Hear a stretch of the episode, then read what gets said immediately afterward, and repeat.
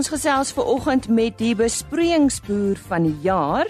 Ons vind meer uit oor 'n trots Suid-Afrikaanse windplaas wat volgende jaar voltooi sal wees. Ons gesels met uh, die eienaar van Anysbos. Hy is ook 'n Troggenburg bokboer en ons uh, praat met 'n landboustudent van die Universiteit van die Vrystaat oor haar studies. Goeiemôre, hartlik welkom. U is ingeskakel by RSG Landbou. Ek het by die Alpha Expo daar by die Afridome in Parys vir Kwawekazi Mazwi ontmoet. Sy is 'n landboustudent by die Universiteit van die Vrystaat en ek het 'n bietjie met haar oor haar studies gesels. Nou jy studeer landbou. Hoekom studeer jy landbou? Wat is die rede? Um, okay, I grew up in a farm first off, so I think that's where it start it started. Um, my dad is a sheep farmer, but there's a bit of goats and cattle here and there. But then I think growing up there and the whole environment, I think I just like yeah. really, really, really, really, I like it. Waar boer jou jou ouers en waar was jy op skool? Um, my parents are in the Eastern Cape, um, in a small town called Tala. I went to Elliot High School, what's called Elliot. Nou, jy studeer in Bloemfontein, so jy kan seker dan so 'n bietjie Afrikaans praat. Ja, net so 'n bietjie. Ek verstaan. Ja. Ja. Jy's nou, jy het gesê 4de jaar, so waarin spesialiseer jy of wil jy in spesialiseer? Um currently doing agronomy and animal science I'm a double major. Um probably maybe I want to do my masters obviously next year. And I would like to do something that's going to incorporate both my agronomy and animal science because I think the two work together because you need to know the crop to feed the animal.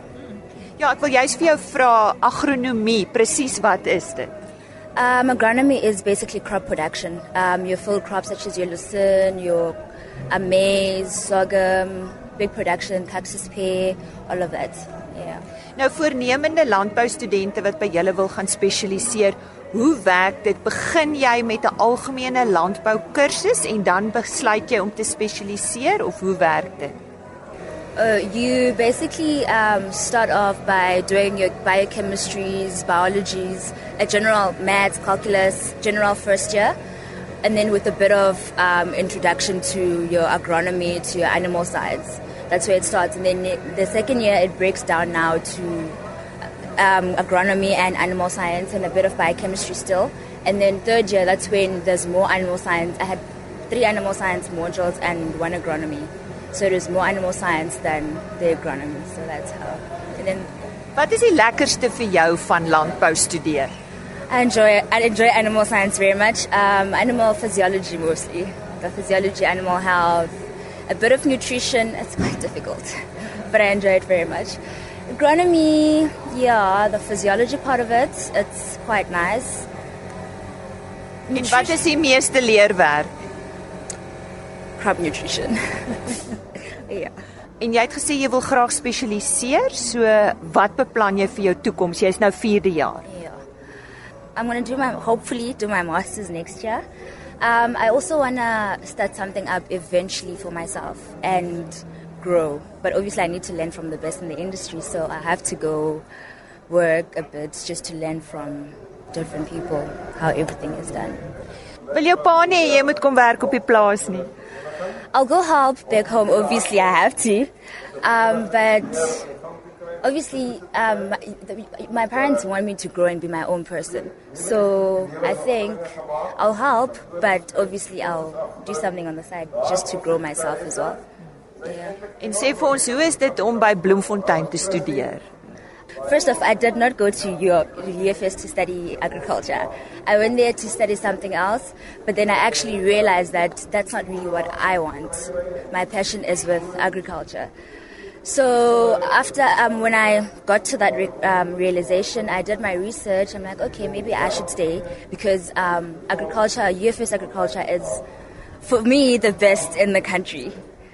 no offense to every other but it's the best to like in, in the country. Dit was aan Kwawekazi Mazwi. Sy is 'n landboustudent by die Universiteit van die Vrystaat. Goeie nuus vir ons Suid-Afrikaners. Parakraal Oos se uh, windplaas het uh, amptelik onlangs hulle eerste turbine opgerig en ek gesels nou by die projekbestuurder Christo loods. Nou Christo, miskien moet ons net eers vir ons uh, luisteraars verduidelik waar is uh, Parakraal geleë? Goeiemôre. Goeiemôre Lisa. Ja, um, dankie.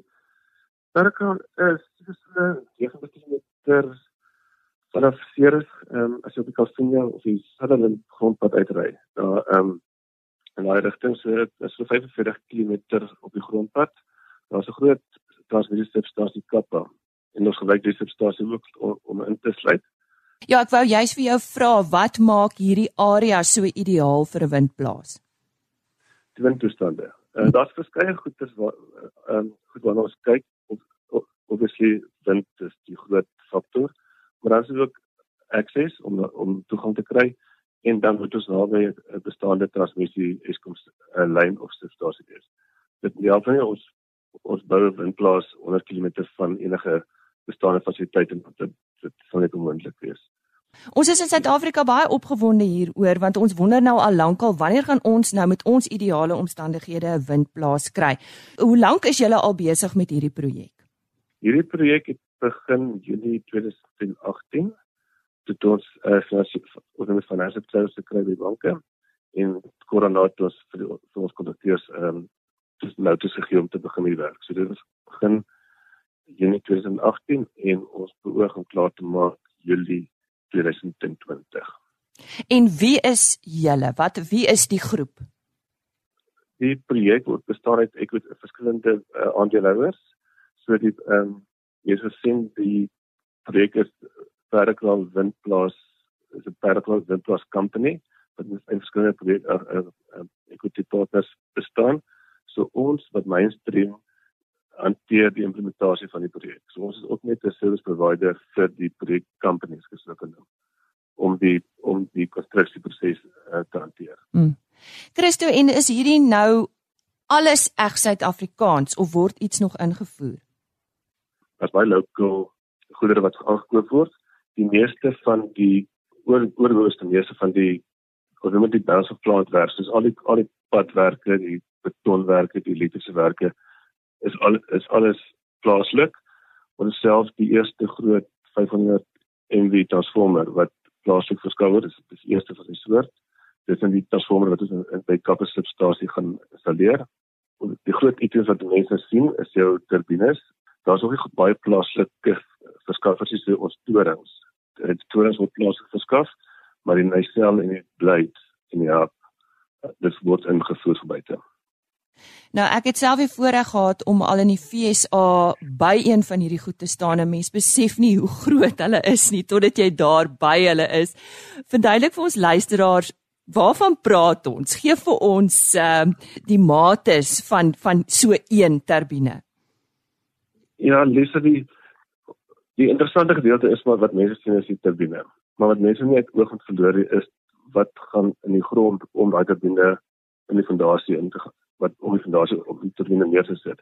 Net dit is geen net die, die, die beton fondasie bestaan uit 400 kubieke meter beton. Dit is die ekwivalent van 70 van daai konkrete vragmotors wat konkreet daar ingooi. Daar is 50 ton staal per per fondasie. So dis 'n enorme hoeveelheid siviele werk wat daarin gaan. En die toring self, in die geval het ons 5 elke toring bestaan uit 5 seksies, toring seksies wat tot 'n hoog op 'n hoogte van 115 meter gaan. Ehm um, dan die sel wat op die torings geïnstalleer word, dis maar waar jou jou radkas en dat waar die dag opgewek word. Dit hy weeg 86 ton. Nou nou moet kyk vir jouself dink om 'n kraan in die kraan gebruik wat 'n 87 ton uh, komponent lig tot op 15 meter. So dit is 'n enorme enorme uh, kraan wat daar is baie van in die land hier. Um, ons noem daai spesifieke kraan LG 1750. So dis 'n uh, hulle is skaat het maar 4 of 5 dalk in die land. Ehm um, en dan die die blades en en op ons projekte gebruik ons uh, 53 meter blades. Jy praat van 'n 106 dia, dia, diameter as jy as ja, as as hy geïnstalleer is. So 'n enorme enorme turbine. En daar's dan 3 uh van hierdie uh dis lemme, 3 van hierdie lemme ja, per ja. per turbine, is ek reg? Ja, 3 3 3 per per, per turbine ja. Nou die vraag is wat as alles nou opgerig is? Wat gaan die suksesverhaal daaraan wees? Verduidelik vir ons wat gaan hy kan genereer? Hoeveel, hoe groot? So ons elke turbine is 2.3 megawatt turbine. So in altesaam in die geval is 48 turbines wat dan totaal van 110 megawatt dan plaas ons gee. So dit beteken jy gaan ongeveer 95000 sertifikaatse wonings per jaar kan krag verskaf met dit. En en dit is dit is geen water daarvoor nodig nie, dit is 100% hernubare skoon energie.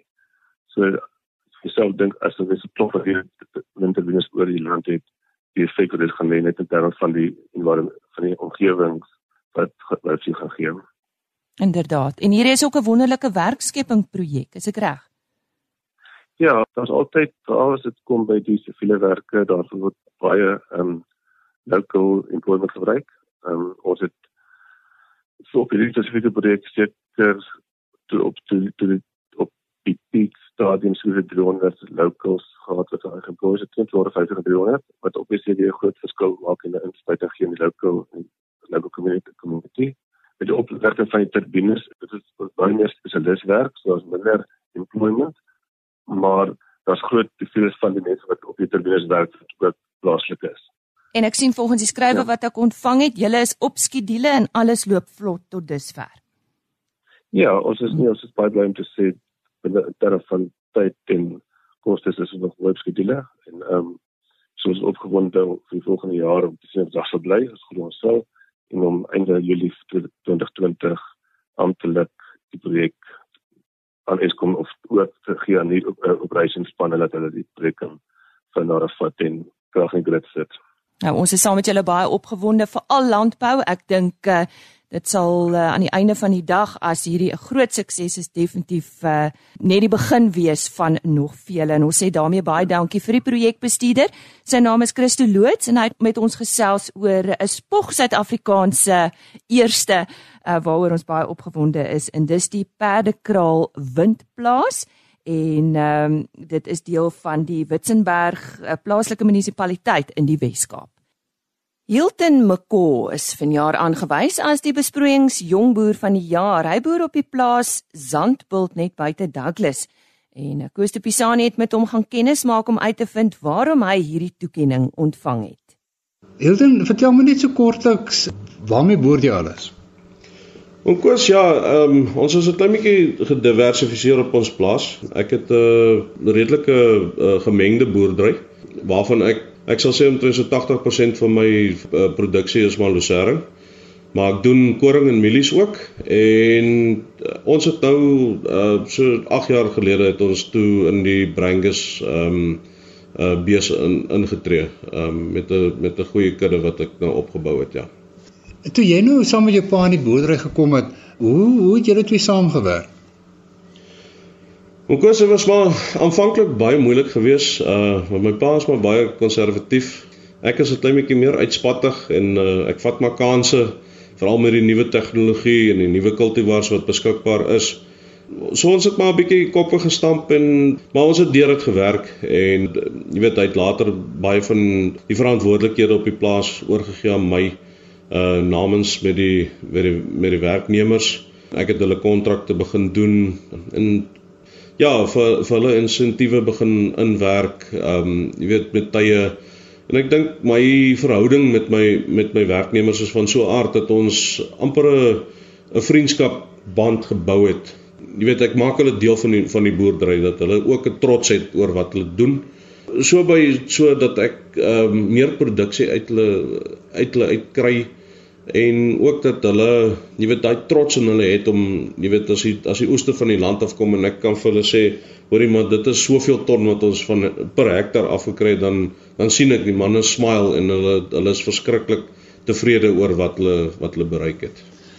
Wat is die rede vir jou 'n sukses in jou boerdery? Om ja, ek dink om nederig te bly en jou ore uit te leen aan baie van jou mentors rondom jou ek is nie skaam om om hulp aan te vra nie. Ehm um, ek gebruik ehm um, die hulpmiddels wat wat vir ons uh, beskikbaar gestel word deur uh, grondkundiges, uh GWK se landbou uh manne wat deurkom, die ouens wat in die veld is. Ek vra altyd vra ek is glad nie skaam om om raad te vra nie. Ek luister graag En ek dink die jy weet om daai goed dan na jou boerdery toe, toe te vat en en en uh toe te pas en en kyk wat vir jou vir jou werk. Ek dink dit elke stukkie wat ek geleer het by baie van my mentors het ek 'n gedeelte van dit in my boerdery ingedruk en vrugte daarvan gepluk, ja. In die gemeenskap, hoe betrokke is jy in die gemeenskap van van Douglas? Ja, en kos ek is uh Ja, ek is redelik betrokke met ehm um, by baie organisasies. Ek sal maar eers begin by die uh, Douglas Landbou Unie. Ek is deel van die Douglas Landbou Unie. Die Rietval Valk Boerevereniging is ek die uh, veiligheidsbeampte daar. Ek is voorsitter van die Tafelronde in Douglas, voorsitter van die Gaaper River Extreme Komitee. Ek is voorsitter van ons uh, klein kerkie, ehm um, die Engelse kerk in Douglas. En uh ja, ek is ook betrokke met my kinders se sport. Ek rig ook die cricket af in in Douglas Hoërskool. So ja, ek is redelik redelik besig hierso in Douglas. Al dit is eintlik uh, verbasend dat jy nog so baie tyd het uh, vir vir ander dinge ook. Maar Hilton sê vir as jy vir die jong boere 'n boodskap kan gee, wat sal jou raad aan hulle wees? Ek wou sê ek, ek sal sê moenie negatief na ehm um, die politieke omstandighede in in Suid-Afrika kyk nie. Ehm um, ja, gryp maar daai daai oomblik. Ek dink uh, wat ek kan sê is uh vra vir raad. Moenie bang wees om om hulp te vra nie. Leer uit jou foute uit. Wees maar net humble, nederig. Ja, gaan net voort. Moenie laat laat mense jou afkraak en en daai goed nie wees positief. Dit gaan eendag altyd sekerlik weer draai. Dit was Hilden uh, Mako, die jong uh, besproeiingsboer in die Noord-Kaap. Uh, dis Koos de Pisani vir RSG Landbou op Douglas. Dit was dan ons medewerker daar in die Noord-Kaap, soos hy gesê het, Koos de Pisani en weer eens baie dankie. En nou nog 'n onderhoud wat ek gehad het met iemand daar by die Alpha Expo. Ek gesels nou hier by Alpha 2019 met Johan Heinz. Nou Johan kom van baie ver, daar die Wes-Kaap uit. Botrivier. Botrivier en uh van Anhuisbos en ons wil nou hoor wat is Johan se betrokkeheid hier by Alpha vanjaar en uh ja, hy gaan so 'n bietjie van ons van sy boerdery vertel Johan. Ehm um, al die pad van daar af, maar sê eers vir ons presies waarmee boer jy op die plaas? Jong ons boer met olywe en ons ehm uh, hou bokke aan Uh ons het ook drywe en ons maak wyn. Die hobby is die bokke. Wat gebeur het toe ons daar gekom het, het ons moes ons klomp bome plant en ons jy weet bome groei maar van self. Dit ons besluit hoe gaan ons onsself besig hou en toe kry ons vir ons bokke. En watter bokke? Bontes, wites, swartes, alles wat jy in die hande kon kry. Maar tussen hulle was daar 'n paar toggenburgs. Dis die mooi bruine met die mooi patroon op sy gesig. En uh, na ruk het ek besef dis die bokke wat ek van hou en dis die bokke wat ek wil hou en die ander het mag gegaan met tyd. En nou is ek betrokke by die teel van die goed. Ehm um, en daar is en dis hoekom ek hier is. Mm, mm. Ons wil die ras bevorder en die melk kuddes die die boer die melkbok die mm. kuddes bevorder. Daar's daar's 'n 'n natuurlike groei, maar ek dink dit gaan 'n klomp mense verby. Ek dink daar's 'n kans dat mense op die, as jy op die regte vlakke inskakel en die regte plekke uitkom, kan jy 'n bydrae maak en jy kan iets daar uit kry. Miskien vir Rina. Rina hulle boer met 200 sanens. Dis die wites, nie my favourite nie, maar dis Rina hulle se. En ehm um, hulle maak 'n lewe. Hulle werk baie hard, maar uit 200 bokke op 'n 5 bord plot maak hulle 'n lewe. So jy kan is 'n moontlikheid. So wat produseer julle? Wel, kaas, ons maak kaas en ons verkoop dit in die omgewing. Hierdie tyd van die jaar gaan die produksie op want hierdie tyd van die jaar kom die swaalkies in. Dis die mense van Duitsland en Denemarke en al daai plekke. Hulle is groot fans van ons kaas en uh ons is dis dis ons tyd van die jaar wat ons moet kaas hê. Ons is baie bly dat hulle ook baie Suid-Afrikaners is wat natuurlik ons kaas koop en dis cool. Uh ons koop meestal in padstalle en Hermanus en Kleinmond in ons omgewing. My vrou gaan lewer af en dan doen sy haar naels of sy gaan lewer af en gaan doen sy hare. En ons doen dit so op die manier. Sy sy dink is nog lekker en ek is bly sy dit doen. Ek wil net 'n bietjie praat. Jy het 'n wonderlike aanbieding gedoen hier by Alpha oor ehm um, die eienskappe van daai bok en wat is belangrik om na na te kyk, na die vorm. Jy jy het so aan haar aan haar maag geraak en gesê hierdie is belangrik. So wat is belangrik? Kyk, 'n uh, 'n bok is maar 'n soogdier. 'n Bok produseer in in verhouding tot sy grootte meer as enige ander soogdier melk. So jy moet daai engine kamer is die maag. As daai ding nie opgepas word nie, dan het jy moeilikheid.